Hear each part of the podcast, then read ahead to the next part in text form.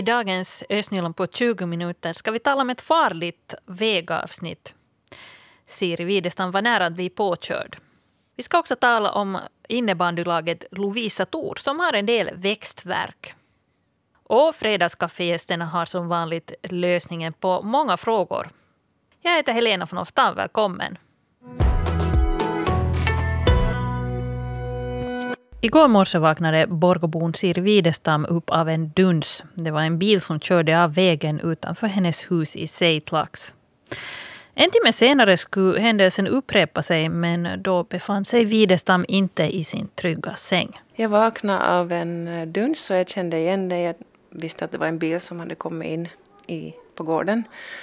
Och eh, spratt upp från sängen, gick ut och tittade och där var en bil, bil i diket. Och det där, min man hann dit före mig så, så han sa att allt är okej okay och föraren är oskadd.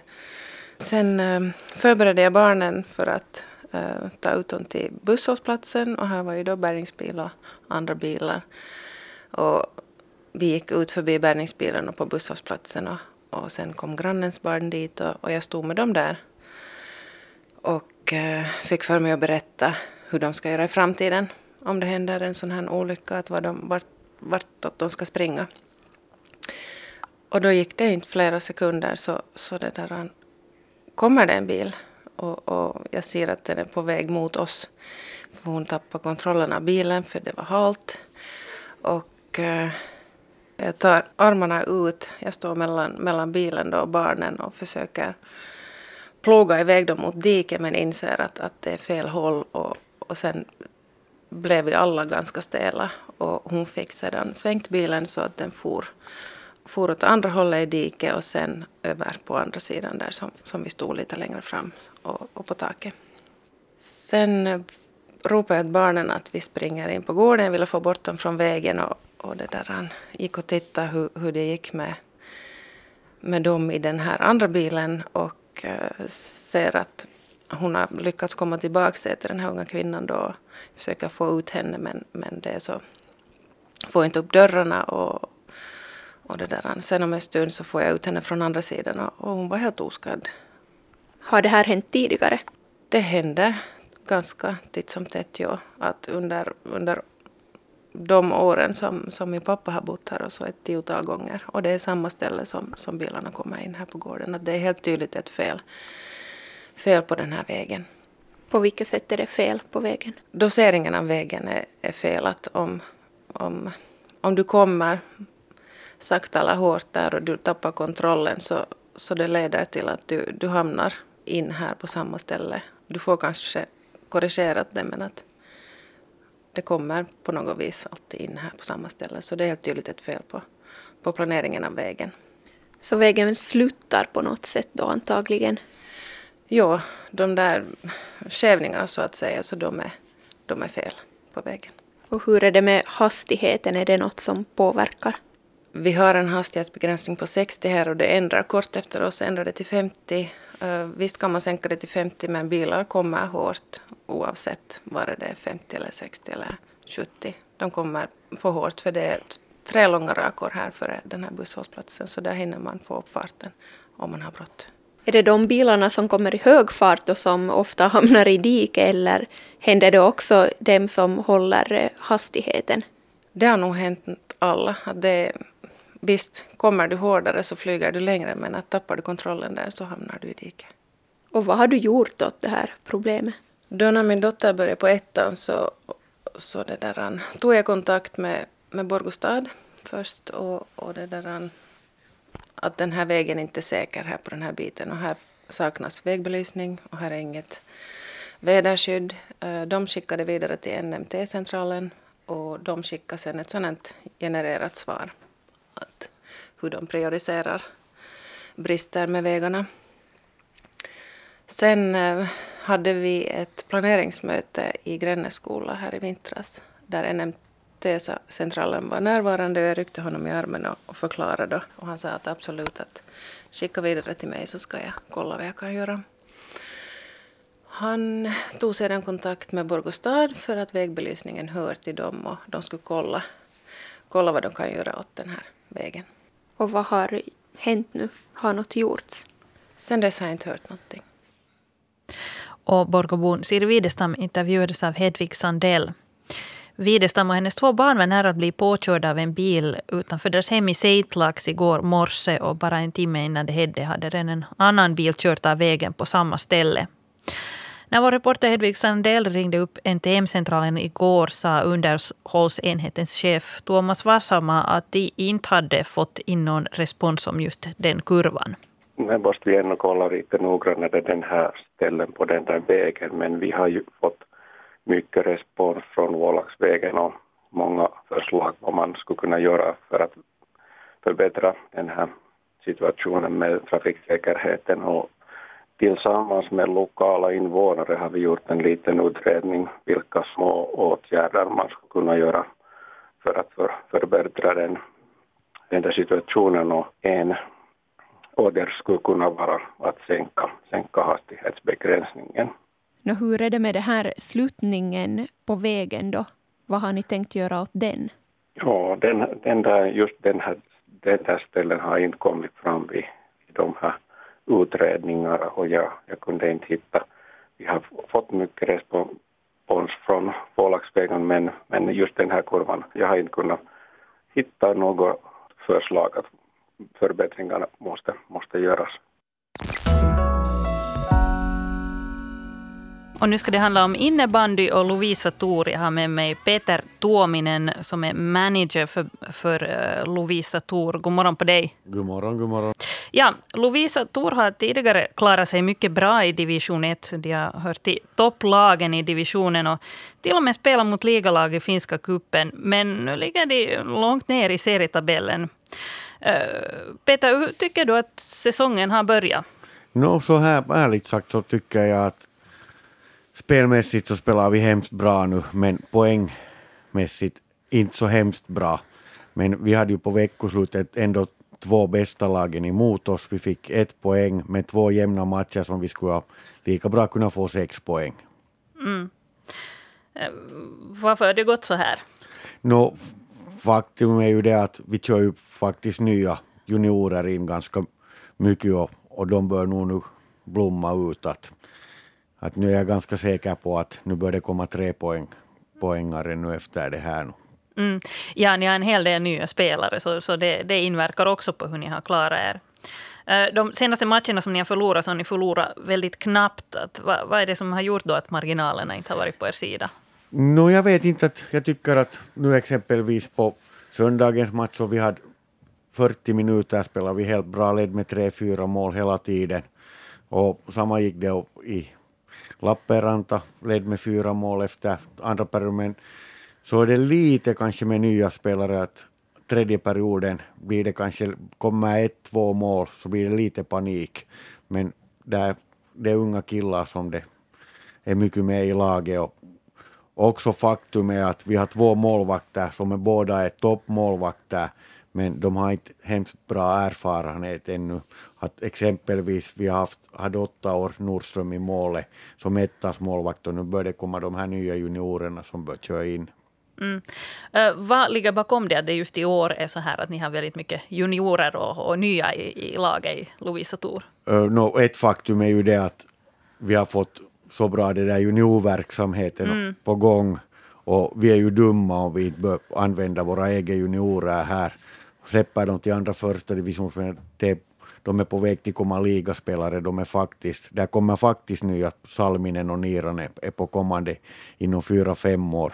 Och det kommer inte bara en eller två spelare, det kommer mycket ut av dem. Mm, så du menar att det är lite växtverk, men det kan ännu lyfta? Ja, det kommer nog till lyfta. Det kommer till se, framtiden se hemskt bra ut. Men hur ska ni göra för att nu klara den här säsongen?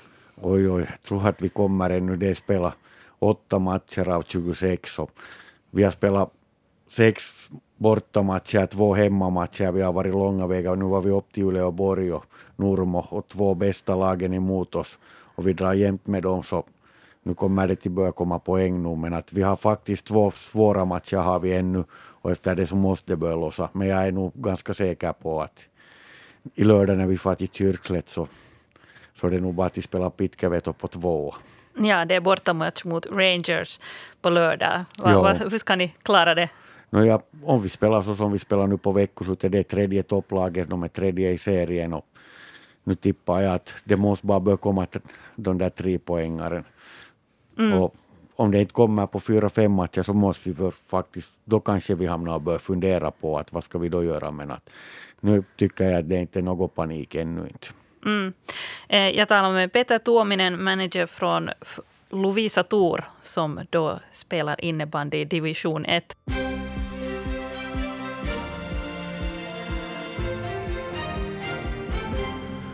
Klockan är halv sju, tid för en första regional nyhetsöversikt. Jag heter Stefan Härus. God morgon.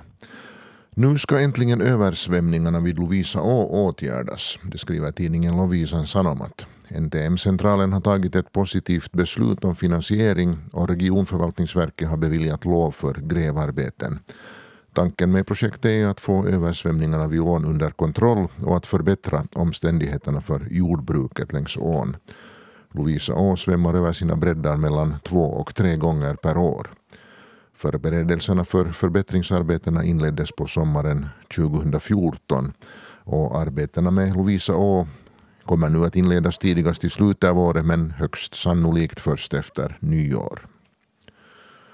Så till Borgå där Borgbacken hotas av erosion. Orsaken är bland annat att terrängcyklister verkar gilla jordvallarna och de smala stigar som bildats invid gångstigarna och utanför de områden där det är tillåtet att röra sig. Det är dock förbjudet att cykla på området. Området består av jordvallar som är rester av en medeltida borg. På Forststyrelsen som äger Borgbacken önskar man nu att Borgåborna skulle njuta av området på ett mera ansvarsfullt sätt. Förbudsskyltarna som gäller cykling ska förnyas under en snar framtid. Medlemmarna i Agricola svenska församling i Lovisa kommer nästa år att bli utan kyrkpressen förutsatt att de inte själv prenumererar på tidningen vill säga. Församlingsrådet har nämligen beslutat att inte längre prenumerera på tidningen för församlingsmedlemmarnas räkning under nästa år. En av orsakerna är att medlemsantalet i församlingen sjunker och att skatteintäkterna därmed minskar. Domkyrkoförsamlingens medlemmar i Borgo kommer däremot att få tidningen också nästa år. Kyrkoherde Mats Lindgård säger att det visserligen handlar om en stor utgiftspost, 100 000 euro, men att församlingen valt att prioritera prenumerationen. Också Sibbo svenska församling fortsätter prenumerera på kyrkpressen åt sina medlemmar. Det är fredag och det betyder att det är dags för fredagskaffe idag med Klaus Suhonen, reklamföretagare från Borgå. God morgon på dig. God morgon, god morgon. Och Kristina Mikkos, lärare från Lovisa. God morgon. God morgon det har kommit in ett förslag om att man skulle uppbära inträdesavgift i Borgå domkyrka. Den här avgiften skulle då inte tas av alla som kommer in utan av turister. Uh, Klaus, skulle du vara beredd att betala för att gå in i Borgå domkyrka? Ja, nu tycker jag att man kan betala. Nu förstår man att liksom eh, nu tror jag att turisterna också är vana. Man reser omkring. Att, inte vet jag vad man sen betalar, en euro eller någonting sånt där. Så jag tycker att det skulle kunna vara helt okej. Okay. Och det där... Uh, Sen tycker jag också att, uh, jag menar en möjlighet är också att det skulle vara en frivillig avgift. Mm. Och sen tänkte jag också på det att man kunde ju ge en liten leaflet alltså om kyrkan. En trevligt designad liten flyer som är vikt och kanske där en karta av Gamla stan där inne också som man får om man betalar liksom den. Så det kunde också vara en grej. Att, att det där. Tidigare sålde man ju massor med kort i kyrkor men nu för tiden har man kännyckor som man tar inte bilder. Men om man har någonting som är kivast designat som man tycker att det här är roligt minne att, att spara från Borgå så, så kunde man också göra det. Kristina, hur är det, skulle du betala för att gå in i Borgå domkyrka? No, nu skulle jag ju göra det om jag kommer som turist, men om jag skulle komma så där bara annars och tänka att jag vill sitta en stund i bänken när jag kommer från Lovisa och så där uppleva lite andakt, så inte skulle jag då vilja betala för mm. det. Att då, då, det. Det är ju mer det kyrkans uppgift att vara som ett sådant bönerum. Och det är ju en sån balansgång, att nu förstår jag ju att, att det där församlingarna är trängda och man behöver få inkomster och allt kostar. Men, jag vet inte, får, de, får turisterna gå på vässan i kyrkan? ja, det vet jag ja, det, det, borde de nog betala för. Men, men, jag, jag hör inte till kyrkan, så jag skulle gärna betala. Det kanske, om man betalar kyrkoskatt så kanske man tycker att det skulle vara liksom gratis då det hör till. Men vi som inte då hör till kyrkan, så jag tycker att man skulle bra kunna betala. Och jag skulle egentligen betala för mycket annat i kyrkan också. Jag tycker att om man skulle kunna betala för ett för, för, för att eh, det, det fina diakonissarbetet de gör eller någonting annat som ska vara kanske utanför det här att sprida ordet utan hjälpa människor så som kyrkan gör ett jättefint jobb. Så jag tycker kyrkan borde också, man kunde betala en kyrkoskatt som skulle vara på något sätt så här liksom oreligiös som går till, att upp, till det fina arbete de gör och så, som den praktiska hjälpen och också att kanske upprätthålla byggnader och något sånt där. Så jag tycker det skulle kunna vara en grej. Nu får man ju ge säkert frivilliga donationer till kyrkans diakoniarbete. Det, ja, det går så lätt nu för tiden via telefonen när, när det kommer hela tiden switcha och det är jättebra tycker jag. Mm. Men att det, det, kunde också vara så att de kunde mm. Absolut. Man, jag skulle gärna betala en sån skatt som skulle vara för oss som inte lyckas tro på uh, det religiösa men tycker att kyrkan gör ett fint arbete. Ja, många hör säkert till kyrkan också bara just för att man är kulturarvet med, med ja. kyrkorna och allt annat fint som kyrkan gör. Ja. Man men stöder det. Ska vi nu riktigt uh, gå till liksom pengar och cent, euro och cent. Uh, nu förslaget var att det skulle kosta två euro för turister då att besöka kyrkan. Eh, Kristina, vad skulle vara helt ditt maxpris då om du tänker att du kommer som turist långt ifrån för att se Borgå domkyrka? Om jag kommer för att, bara för att se Borgå domkyrka så ska jag kunna betala fem euro. Men om jag nu bara tvinnar på där med familjen och tänker att ska vi nu gå in eller ska vi gå in och det kostar mera än två euro så kanske vi inte skulle gå in. Hur är det med dig Klaus? Ja. Några euro för dig då också? No, några euro, ja. Att det där, nu tycker jag. Men det problemet kanske mer är det att man inte har slantar på sig nu för tiden, så det måste vara så här, så här närbetalningssystem som man kan svipa med kort eller någonting sånt. Ja. Ja, och sen att hur mycket kostar det sen att driva in det där summan? Att om där ska stå någon anställd och liksom vakta att folk betalar och sen att liksom bokföra de där pengarna och administrera så inte nu far det nu mm. lite fyrt till det. Jo, vi fick faktiskt in en kommentar på Facebook om, om någon kyrka uh, som då har en sån här avgift men så att man sätter bara pengarna i en bössa så det far inte pengar mm. till att någon står och tar emot den. Ja. För det, det, kostar ju också att ha mm. personal på plats. Men Kristina, du kommer från Lovisa. Ja. Du bor i Lovisa.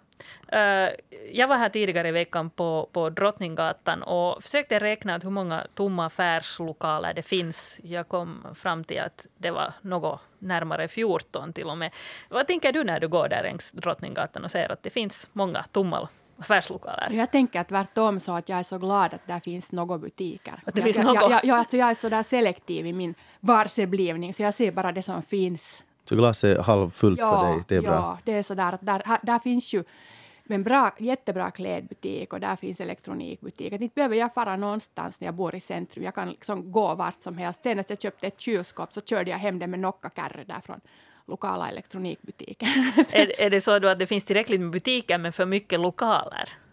Ja, no, det kan ju vara det som är problemet, att vad ska man använda lokalerna till? Mm, ja. För det var ju ganska många sådana hus uh, med stora tomma fönster då. Att, att ja, kanske... alltså inte säga att det finns tillräckligt med butiker, men jag menar att det där, nu, nu, nu finns det ju butiker. Ja, mm. ja. Eh, alla som jag pratar med önskar sig en klädbutik där. Är det något du önskar dig till, Louisa? Det finns ju en jättebra klädbutik. Men mera? Men mera. Jo, alltså det är ju kiva att gå bara och titta på. Man blir ju inspirerad liksom av att gå och se. Och, och det är det trevligaste när man har en kläd, klädbutik när människor kommer och tittar bara. Ja. Eller vad? Jo, det, det Far dit och prova kläderna och sen far ja. de och beställer från nätet. Ja. Jo, no, det är ju det som händer nu för tiden. Ja. Uh, hur är det med dig, Klaus? Har du några tankar om vad man skulle kunna göra för att lite få mera fjutt på kommersen där på Drottninggatan och Lovisa. Men problemet är alltid det att det behövs liksom en kritisk massa för att det ska bli intressant. Det behövs liksom en klädaffär som inte har tillräckligt med grejer. Alltså om du bygger något tillräckligt stort så kan du bygga det på en åker vart som helst och människorna kommer. Mm. Och där är liksom grejen att det, att det, det borde vara om man vi tänker så här att det finns hur mycket pengar som helst så man kan ju bygga sådana affärer att alla från Borgo vill fara och shoppa dit, alla från Kotka vill fara och shoppa dit. Om det är tillräckligt upplevelse så vill man få från Hesa. Men det är liksom inte så lätt och det är inte så realistiskt. Så då måste man fundera att, att vad, vad kunde man göra då? Och, och sen är det ett problem med det att, att också de som fastighetsägarna vill ofta inte hyra ut de här billigt. De har dem hellre mm. tomma än hyr billigt. Och det är en sak som jag tog mig en tid att fatta varför de gör det. För om de hyr ut billigt så plötsligt ser Eh, det ut, när de har lån för de där husen, alltså så ser det plötsligt ut att hej, att ni får, det har gått ner det här kvadratmeterpriset. Och då säger banken, uh, uh, uh, det här räcker inte som garanti mera. Så det är bättre att hålla det tomt och bara säga att det är just nu outhyrt. Och, det där, och, och, och kvadratmeterpriset är fortfarande samma. Och det är en konstig grej, men så här är det. men det som man kunde göra, om staden till exempel skulle kunna subventionera hyror och sånt, att hyrorna skulle vara jättebilliga, så människor skulle kunna göra pop-up till exempel testa sin business mm. med att göra en pop-up-grej. Man ska bestämma att nästa vår är det tre månader pop-up-grejer och det är jättebillig hyra och man får komma med sina idéer. Det finns säkert människor som vill testa kafeteria, som vill testa uh, sälja sina krukmakeriprodukter eller uh, starta en, en klädaffär eller någonting sånt. Så det kunde vara en, en sån här språngbräde för ny business om det skulle vara, vara så billigt. Och då, då kräver det att staden skulle subventionera med, med hyror. Där. Ja, och Lovisa har ju ett faktiskt väldigt livligt kulturliv. Eh, Kristina eh, Mikkos, har du någon bra idé vad du skulle kunna öppna för en affär om staden skulle subventionera och du skulle få tid att göra något pop-up här i Lovisa centrum? Jag skulle öppna någon sån där pop-up mottagning, att kom och, kom och prata med mig, så, så skulle jag sitta där. Varför inte? Ja. Det skulle vara jättetrevligt. Ja. Ja, lite, lite som vårt fredagskaffe, men, men på Drottninggatan ja, Kanske man får kaffe där också. Ja, man skulle kunna köpa kaffe för en extra avgift. Ja, ja. no, absolut. Östnyland på 20 minuter, en svenska Yle-podcast. Jag heter Helena von Aftan.